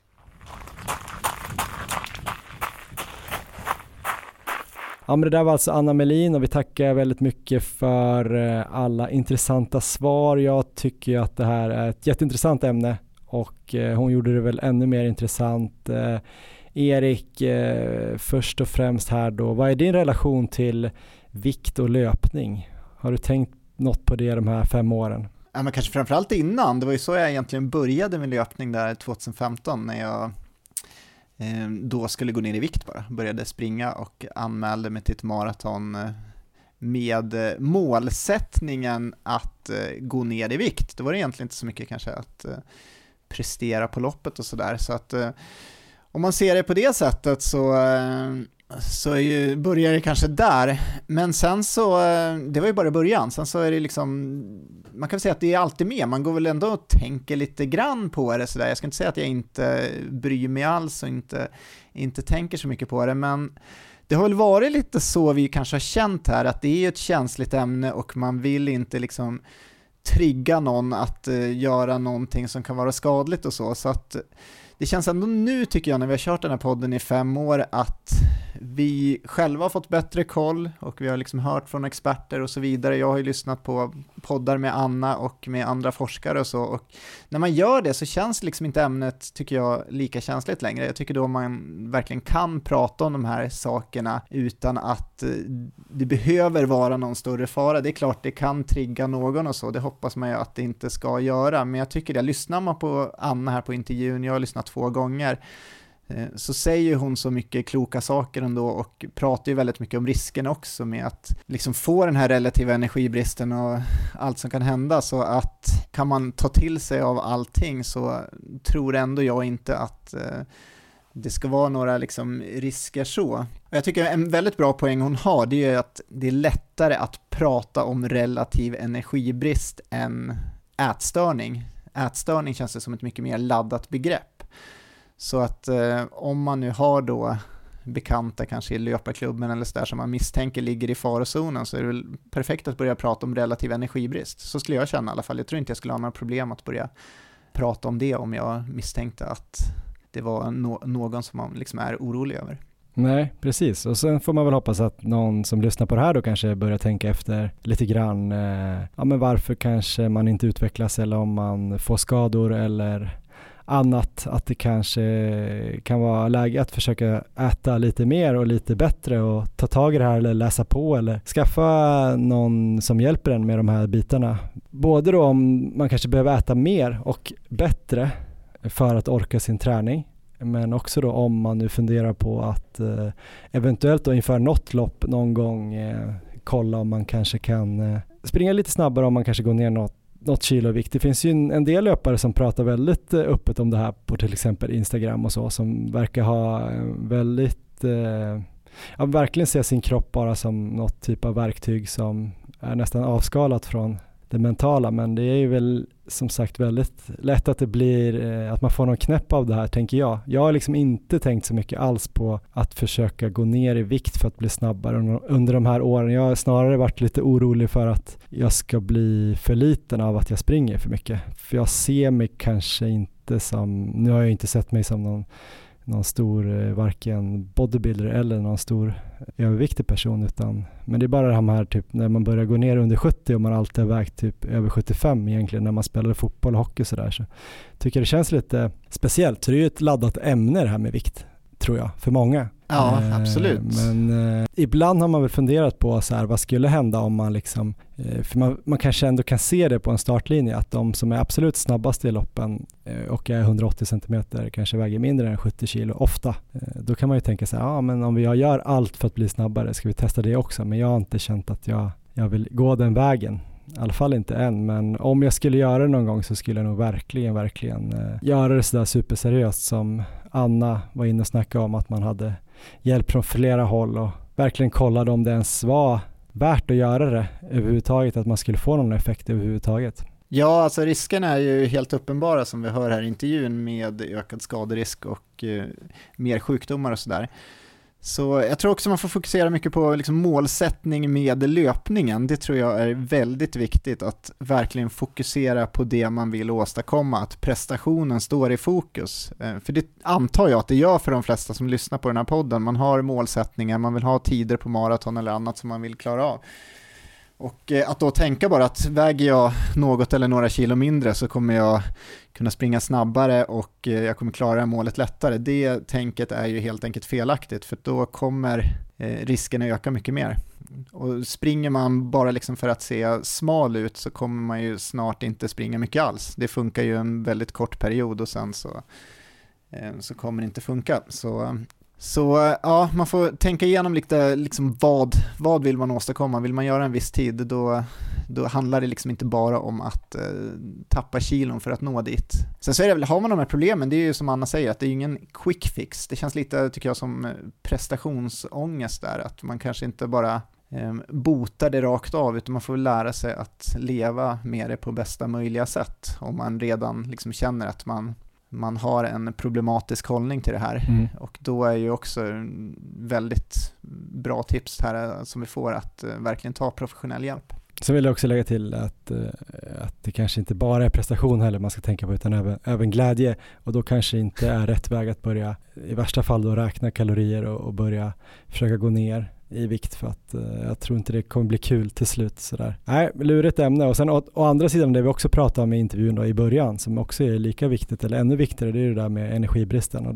det tycker jag är väldigt spännande det där med att man kan ja, men ligga viktstabilt och ändå inte få tillräckligt mycket energi för att till exempel utvecklas då att det är massa processer i kroppen som stänger ner. Det tycker jag är obehagligt. Det är lite därför, inte kanske för att jag misstänkte att jag hade relativ energibrist men det kanske var därför jag kontaktade Sofia Sundberg i första läget. Att bara se till att jag fick i mig tillräckligt mycket för att kunna träna och eh, utvecklas. För att det känns så onödigt att springa nu tycker jag i och för sig att det är kul att springa men det är onödigt att springa 10 mil i veckan om man bara äter och kanske då sover och återhämtar sig från 8,5 mil och sen kanske bara bryter ner sig. Då är det ju bättre att bara springa 8,5 mil. Då kommer man ju antagligen bli mycket bättre.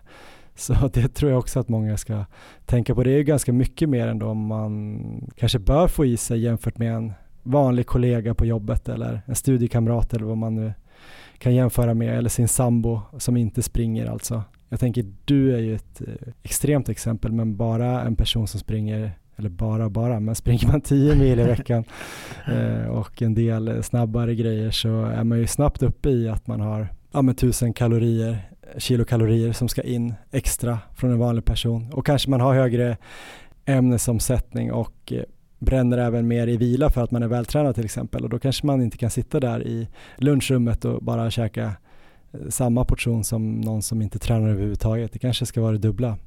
Det kanske kan vara svårt ibland att inse. Absolut.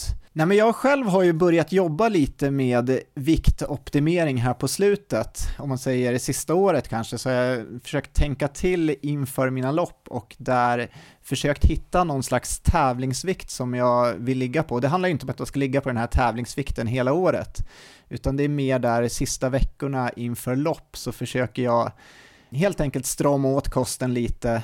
Eh, inte så att det ska gå ut över träningen, men att jag ändå liksom ska kunna stå där på startlinjen i en bra tävlingsvikt. Och däremot under grundperioden så har jag liksom inga problem med att lägga på mig några kilo då istället. Och eh, lite den strategin har jag jobbat på. Jag har lyssnat på en del eh, poddar här och jag har läst en studie som jag tyckte var väldigt intressant och som jag tänkte berätta lite om. Och den är gjord av Trent Stellingworth som Anna faktiskt här refererar till i intervjun. Då var det en annan studie hon pratade om.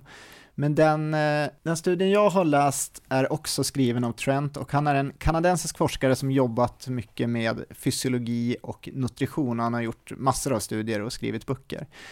Och den studien jag läst heter Body Composition Periodization in an Olympic Level Female Middle Distance Runner over a nine year career. Långt namn. Men den är alltså gjord på hans fru Hillary, där de har följt hennes vikt och andra parametrar under nio år då, både under grundträning och tävlingsperioder. Och hon har gjort 4.05 på 1500 meter och tävlat i flera OS. Och under grundperioden som för henne då var mellan september och april så jobbade de mycket med optimal energitillgänglighet. Alltså att få i sig adekvat energi för att täcka energikostnaden i träning, men också då att bibehålla en optimal metabol funktion och hennes hälsa. Så om vi då pratar i vikt för henne mellan grundperioden och tävlingsperioden så skilde det 2,1% i snitt under de här nio åren. Så det var väl drygt ett kilo där mer hon vägde då under grundträningsperioden mot tävlingsperioden. Och hur gick då denna period till när de skulle nå tävlingsvikten? För det känns liksom ändå intressant hur man ska gå tillväga då om man då ska ligga på ett litet överskott här under grundperioden, sen om man ska ner till tävlingsvikten. Vad är liksom bästa sättet att göra det? Och där kanske är ett känsligt ämne, men det kan vara viktigt att ta upp om man Just för att jag tror att det är hälsosamt att under grundperioden ligga på ett överskott och jag tycker kanske fler skulle tjäna på att sikta på det istället för att alltid försöka vara i toppform. Liksom. Och till att börja med så hade en studie från 2011 visat att en långsammare viktnedgång av cirka 0,7% per vecka var mycket mer effektiv än en snabbare viktnedgång för att kunna fortsätta prestera på önskad nivå.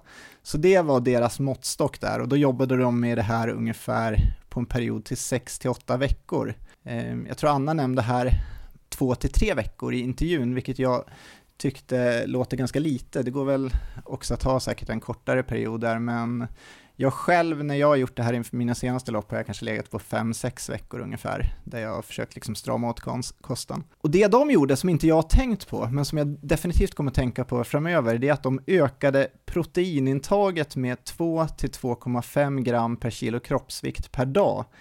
Det här då för att lättare bibehålla muskelmassa så att man istället tappar fettmassan. Och det känns verkligen som en nyckel, för jag har hört Nils van der Poel också, han var inne på eh, samma sak där, att jobba med en långsam, längre viktminskning snarare än en snabb, just för att bibehålla muskelmassan så man inte tappar muskler. Det är det sista man vill där inför ett viktigt lopp. Och en studie från 2010 där deltagarna gick ner 1,8 kilo visade att de som fick 2,3 gram mer protein per kilo kroppsvikt per dag gentemot de som inte fick det här extra tillskottet av protein, protein de förlorade mindre procent i muskelmassa. Så det var alltså 22% förlust av muskelmassa för de som fick proteintillskott, men det var 60% för de som inte fick det, så det är liksom en markant skillnad där. Och hur gick det då under de här nio åren med det här upplägget med att periodisera vikten?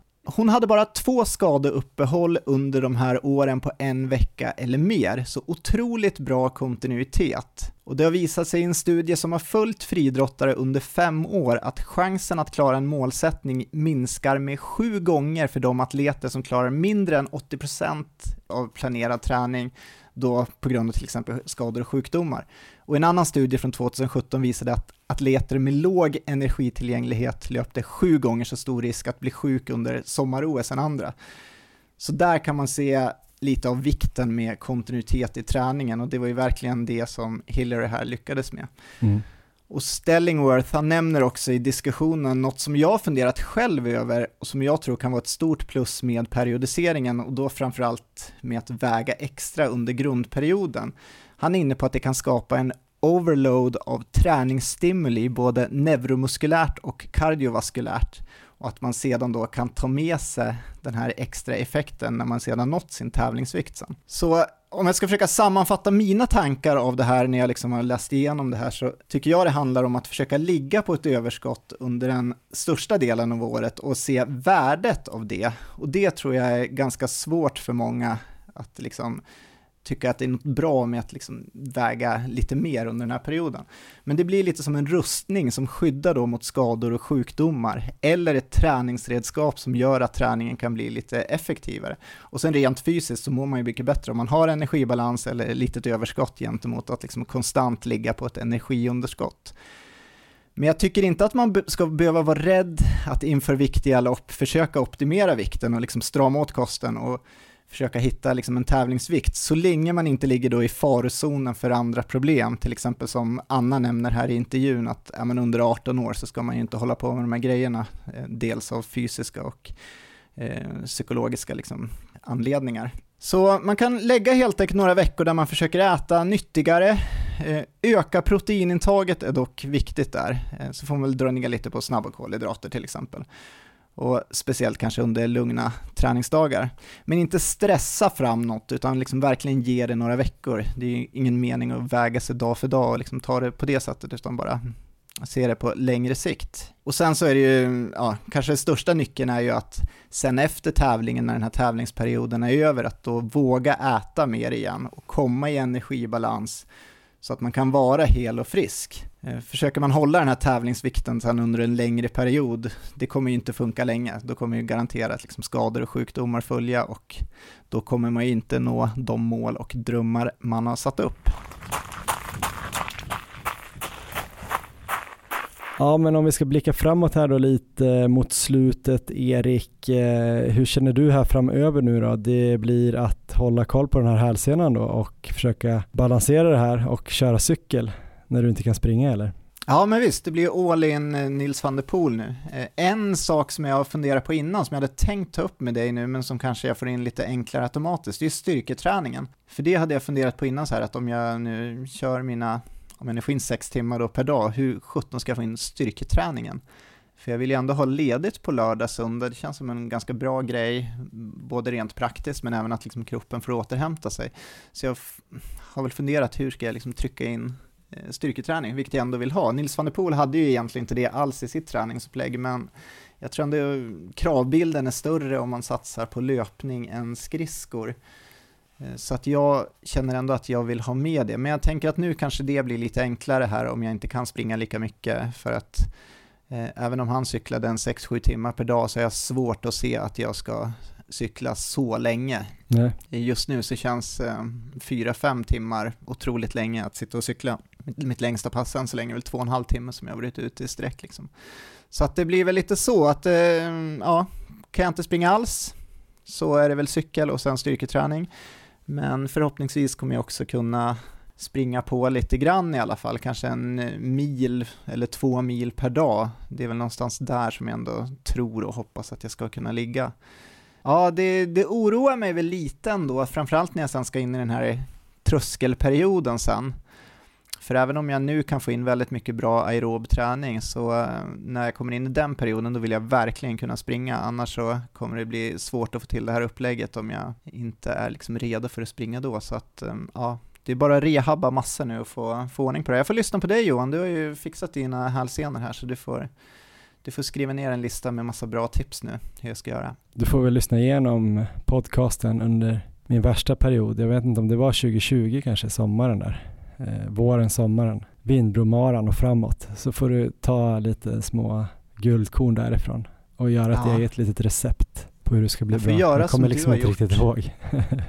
Hur ska du göra framöver nu då? Nu är det några tuffa träningsveckor kvar och sen är det formtoppning och sen så är det nytt pers i Valencia. Mm. Hur kommer det här gå? Ja men nytt pers hoppas jag att jag ska kunna klara av i alla fall i Valencia. Så ser det ut just nu. Vi får väl se hur det går fram till dess och vad det blir för väder där nere. Det har varit varmt här i, på en massa maror nu. Det kanske är någonting med det här klimatet, Erik. Den eh, globala uppvärmningen. Folk flyger runt och springer för mycket lopp helt enkelt. Eh, eh, vi får väl se. Det var i Frankfurt var det ju varmt, New York var det ju varmt. Förresten måste vi gratulera Fredrik Urbom. Sprang Ja, inte så snabbt som kul. han hade tänkt, 2.33 någonting, men han blev ju eh, bästa herr 45-åring i alla fall. Så att eh, stort grattis. Men eh, vad skulle jag säga egentligen? Jo, vi får väl se hur det blir där, men ehm, jag har två veckor nu som du sa med hård träning. Jag kommer väl ligga runt eh, 10 mil då. Jag känner mig ju lite som att jag skulle vilja ligga upp mot 11-12 men det funkade ju inte riktigt den där 11 mils veckan. Så jag tänker att det kanske får bli ett projekt efter Valencia att gå upp mot 12. Jag tror de här äh, 10 inklusive två lite längre hårdare passen är vad jag klarar av just nu. Eh, håller det i sig det här med att jag inte får kramp och jag kan träna på som jag har gjort så, så ser det lovande ut. Jag har väl ett eh, par bra pass kvar som jag ska göra. På söndag tror jag att jag kommer springa 30-35. Ganska utmanande ändå. Eh, där det blir nog en, en längre del i marafart och kanske en liten del till och med snabbare marafart mot slutet där. Det blir väl kanske sista långa hårda passet och det kommer jag kanske köra typ eh, med start 8.15 på morgonen och eh, med ganska bra laddning på lördagen och eh, även försöka gå upp då kanske eh, runt 5 på morgonen. Jag vet inte när man måste gå upp inför Valencia men man måste väl äta där några timmar innan. Det har jag kanske slarvat lite med tidigare sådana där tidiga maror. Att man har kanske släntrat upp vid sex, halv sju eller något. Nej, men det där tänker jag lite grann på. Jag har inga specifika pass att ge dig nu, men eh, två veckor lite hårdare och sen två veckor när det blir lite lugnare, framförallt sista veckan då såklart. Men det kommer vi kunna prata om i nästa avsnitt.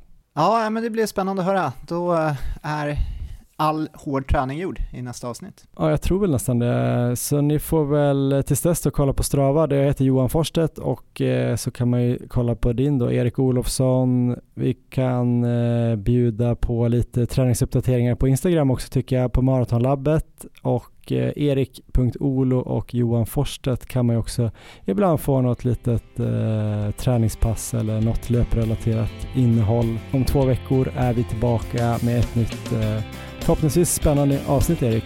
Ha det så bra tills dess. Tack för idag, ha det bra.